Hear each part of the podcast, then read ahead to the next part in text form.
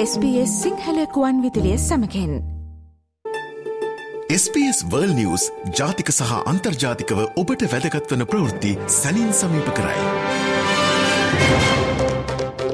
ලෝක අලුත්විත්ති දැනගන්න අපි හෙමනම් සූදානම්වමු පුරුදු පරිදි ලොව වටා විදෙස්විත්ති සමාලෝචනය සමගින් මේ වෙනකොට ලෝකයේ දේශපාලනික වශයෙන් රාජ්‍ය තාන්ත්‍රික වශයෙන් ඒ වගේම සාමාජීය වශයෙන් විශේෂයෙන් කැපී පෙරෙන සිදුවීම් කිහිපය කෙරෙහි අපි අවධානය යොමු කරනවා පුරුදු ලෙසින්.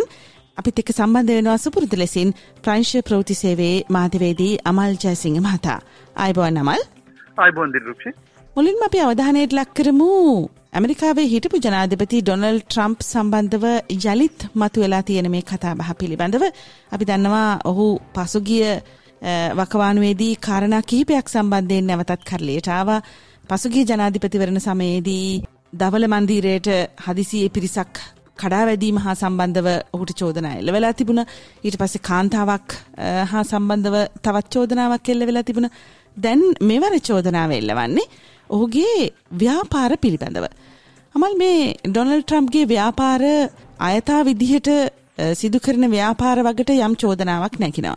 මොකක්ද මෙහි පසුබීම.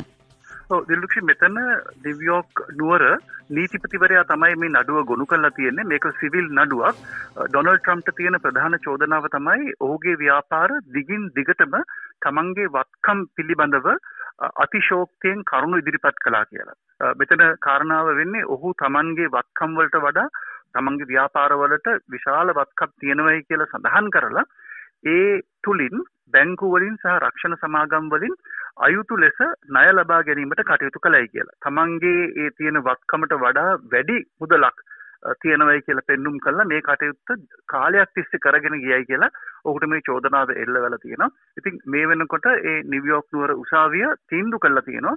ඔහු මේ සම්බන්ධයෙන් වැරදිකරුවයි කියලා. ඉතින් ඒකට දඬුවමක් හැටියට ඔහුට හිරේට යන්න සිද්ධ වෙන්නේ නැහැ. මොකද මේක සිවිල් නඩුවක් නිසා.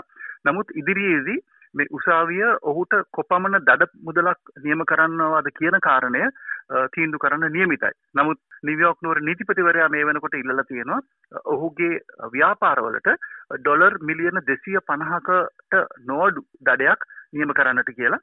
ඊට අමතරව දැනටමත් ඩොනල් ට්‍රම්ප්ගේ ව්‍යාපාරවලට මේ නඩුවේ තීන්දුව ප්‍රකාරව නිවියෝක් මේ ප්‍රාන්තයේ ව්‍යාපාර කරගෙන තියෙන බලපත්‍රය ඉබේම අහෝසි වෙනවා මොකද ඔහු දිගින් දිගටම ඉතාමත්ම වංචා සහගතව කටයුතු කළා කියලා උසාවිය තීන්දු කරපු නිසා.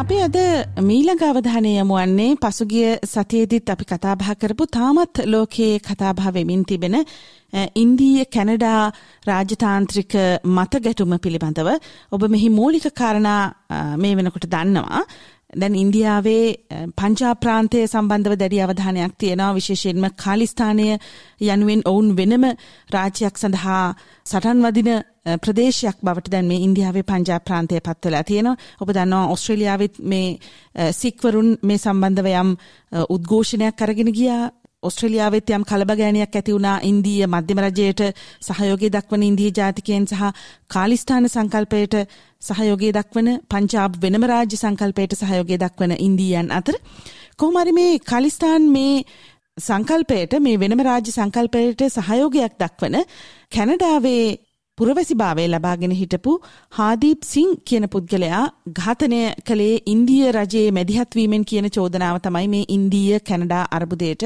රාජතාන්ත්‍රික ප්‍රශ්නයට මූලිකත්වය ගත්ත කාරණාව බවට පත්වනේ. අමල් දැන් මේ සතිය වෙනකොට මේ ඉන්දීය කැනඩා ප්‍රශ්නයේ රටවල් දෙකින්ම යම් සමතයකට පත්වීමේ ක්‍රියාදාම සඳහා එළඹීමක් අපිට දකින්නට ලැබෙනවා. එහා සමගාමීව රටවල් දෙකට එරෙහිව රටවල් දෙක තාමත් ක්‍රියා කරමිනුත් තියෙනවා අභ්‍යන්තරයෙන්. අපි කල්පනා කරතින් අලුත් තත්ත්වය පිළිබඳව මොනවද වාර්තා වෙන්නේ?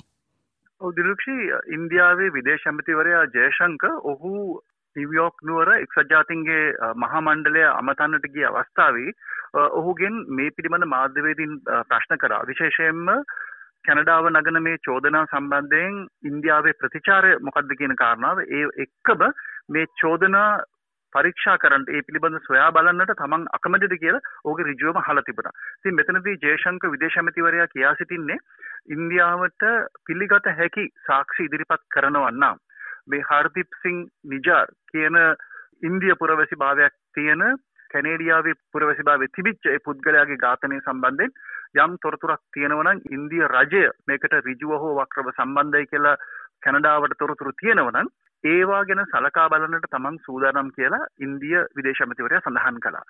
නමුත් මේ වෙනකොට ඉන්දියාව කෙරඩියානු ජාතිකයන්ට වීසා ලබාදීම අත්හිටවල තියෙනවා.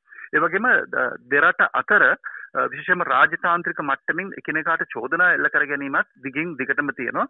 ජේෂංකර් විදේශමතිවරයා මේ අවස්ථාවේදී මේ චෝදනා ගැන සලකා බලන්නට කැමති කියනවත් එක්කම ඔහු තව චෝදනාවක් කරනවා කැනඩාවට විරුද්ධව. දිගින් දිගටම ඉන්දියාවේ බෙදුම්වාදීන්ට රැකවරණය ලබා දෙනවා. ඔවුන්ට වේදිකාවක් ලබා දෙනවයි කියන චෝදනාව කැනඩාවට දිරිපත් කළ තියෙනවා. ඒ එක්කම ඉන්දියාවේ තවත් දේශපාලඥයන් ඒ වගේම හිටපු රාජතාන්ත්‍රිකයන් මේ වෙනකොට කැනඩාවේ අග්‍රාමාත්‍ය ට්‍රූඩෝට අපහාස කරන්නට එහෙම නැත්නම් ඔහුව විවේචනය කරන්නටත් යොමු වෙලා තියෙනවා. මේ කාරණාව සම්බන්ධයෙන් දෙපාර්ශවයම යම්කිසි අතරමැදි තැනකට එන්නට කැමති බව පෙනුනට මේක එකපාරට විසඳන බවක් පේන්නේ නැහැ දිල්රුක්ෂි මොකද තවමත් මේ කාරණාව සම්බන්ධයෙන් ඉන්දියාව නම්‍යශීලී විදිහට කටයුතු කරන බව පෙන්නුවට ප්‍රායෝගිකව ඉන්දියාව බොහොම දැඩි ස්ථාවරයක ඉන්නවා තමන්ට විශාල අවමානයක් සිද්ධ වුණා ඒ එක්කම කිසිසේත්ම තමන්ගේ ආරක්ෂක අංශ හෝ තමන්ට සම්බන්ධ උදවිය මේ හර්දිප්පින් නිජාර් ඝාතනයේ ජූනි මාසේ වෙච්ච ඝාතනයට සම්බන්ධ නැහැයි කියන ස්ථාවරේ ඔවුන් දිගින් දිගටම ඉන්නවා. මීළඟට අවධානයට ලක් කරන්නේ කලින් සෝවියට් යුනියන් සෝවියට් දේශයට අයත්වලා තිබුණු රාජ්‍යයන් දෙකක් දැන් ස්වාධීන රාජ්‍ය විදිහට තියෙනවා. හැබැයි මේ රාජ්‍යයන් දෙක අතර තාමත් තියෙනවා අර්බුද. මේ අර්බුද දශක ගණනාවක් තිස්සේ විහිද යන අර්බුද. ඒ තමයි ආමේනියාව සහ අසර්බයිජානය. මේ රාජ්‍යන් දෙක ගත්තොත් ආමේනියාව ක්‍රිස්තියානි පසුබිමක් තියෙන රටක් අසර්බයිජානයේ මුස්ලිම් පසුබිමක් තියෙන රටක්. රටවල් දෙක අතර සෑහෙන කාලයක් තිස්සේ සිවිල් අර්බුදයක් තියෙනවා. මේ අර්බුදේ තවත් උත්සන්න වෙන අවස්ථාවක් මෑතකදී සිට අපිට දකින්නට පුළුවන්. ඒ පිළිබඳව ලෝකීය අවධානයකුත් තියෙනවා. මම කැමති අමල් මුලින්ම කතා බහ කරන්න මේ ආමේනියාව සහ අසර්බයිජානය අතර මේ අර්බුදය හටගත්තේ කොතනින්ද කියන කාරණාව. දිල්ලුක්ෂ ඇත්තටම මේ අසබයිජානයේ භූමි ප්‍රමාණයක් පාවිච්චි කරලා සෝවියට් දේශය තියෙන සමයේදී ඒ කියන්නේ රුසියාව 1923 දී අසබයිජාන් රට ඇතුලේ එක් ප්‍රදේශයක් වෙන් කරා නගෝනා කරබක් කියන ප්‍රදේශය ඒ ප්‍රදේශයේ අසබයිජානයේ ඉන්න ආමේනියා පුරවැසියන්ට එහෙම නැත්නම් ආමේනියන් ජාතිකයන්ට වෙනම කලාපයක් ස්වයන් පාලන ප්‍රදේශයක් හැටියට ඒ නගෝනා කරබක් කියන ප්‍රදේශය නම් කළ තිබුණා. ඉතින් ඒ එක්දා සමසය විසි තුනේ ඇතිකරගත්තු ඒ එකඟතාවයෙන් පසුව දිගින් දිගටම අසබයිජානය මේ ප්‍රදේශය මේ නගෝනා කරබත් ප්‍රදේශය තමන්ගේ පාලනයට නතු කරගන්නට කටයුතු කළා.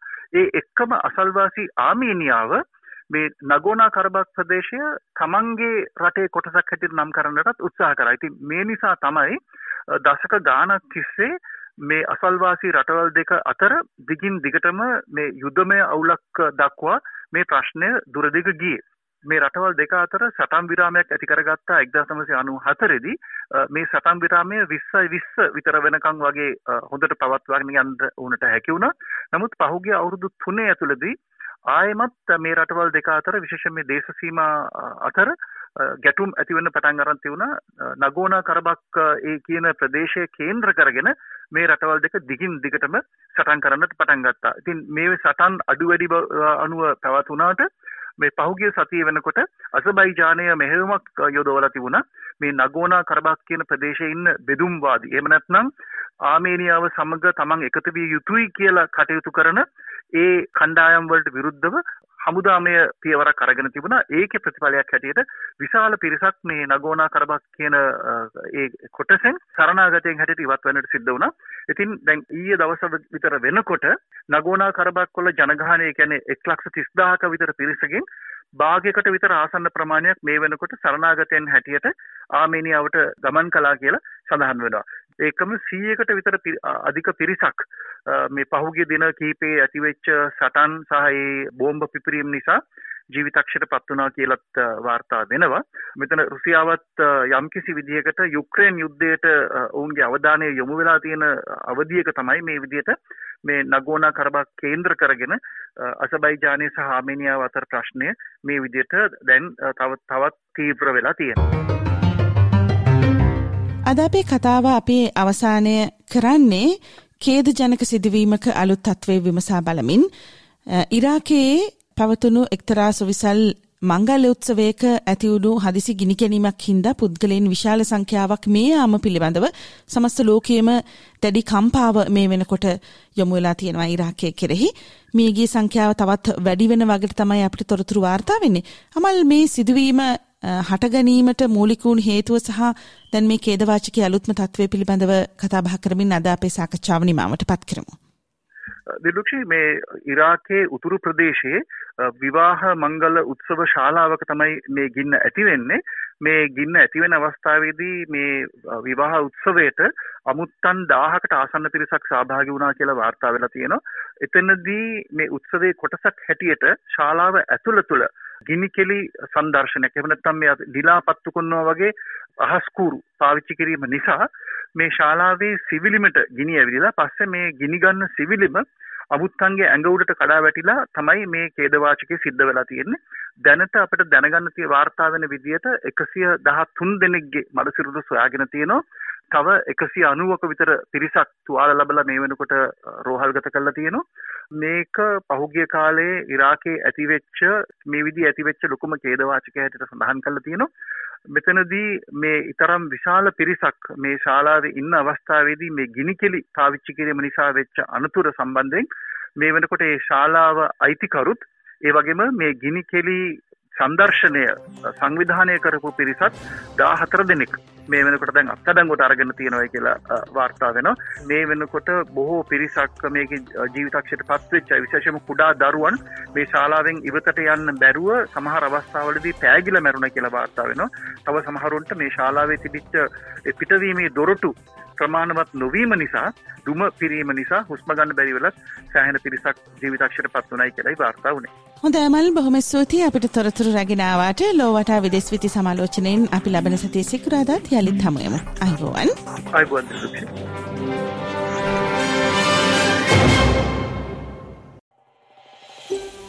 මේ වගේ තවත් තොරතුරු දැනගන්න කැමතිද?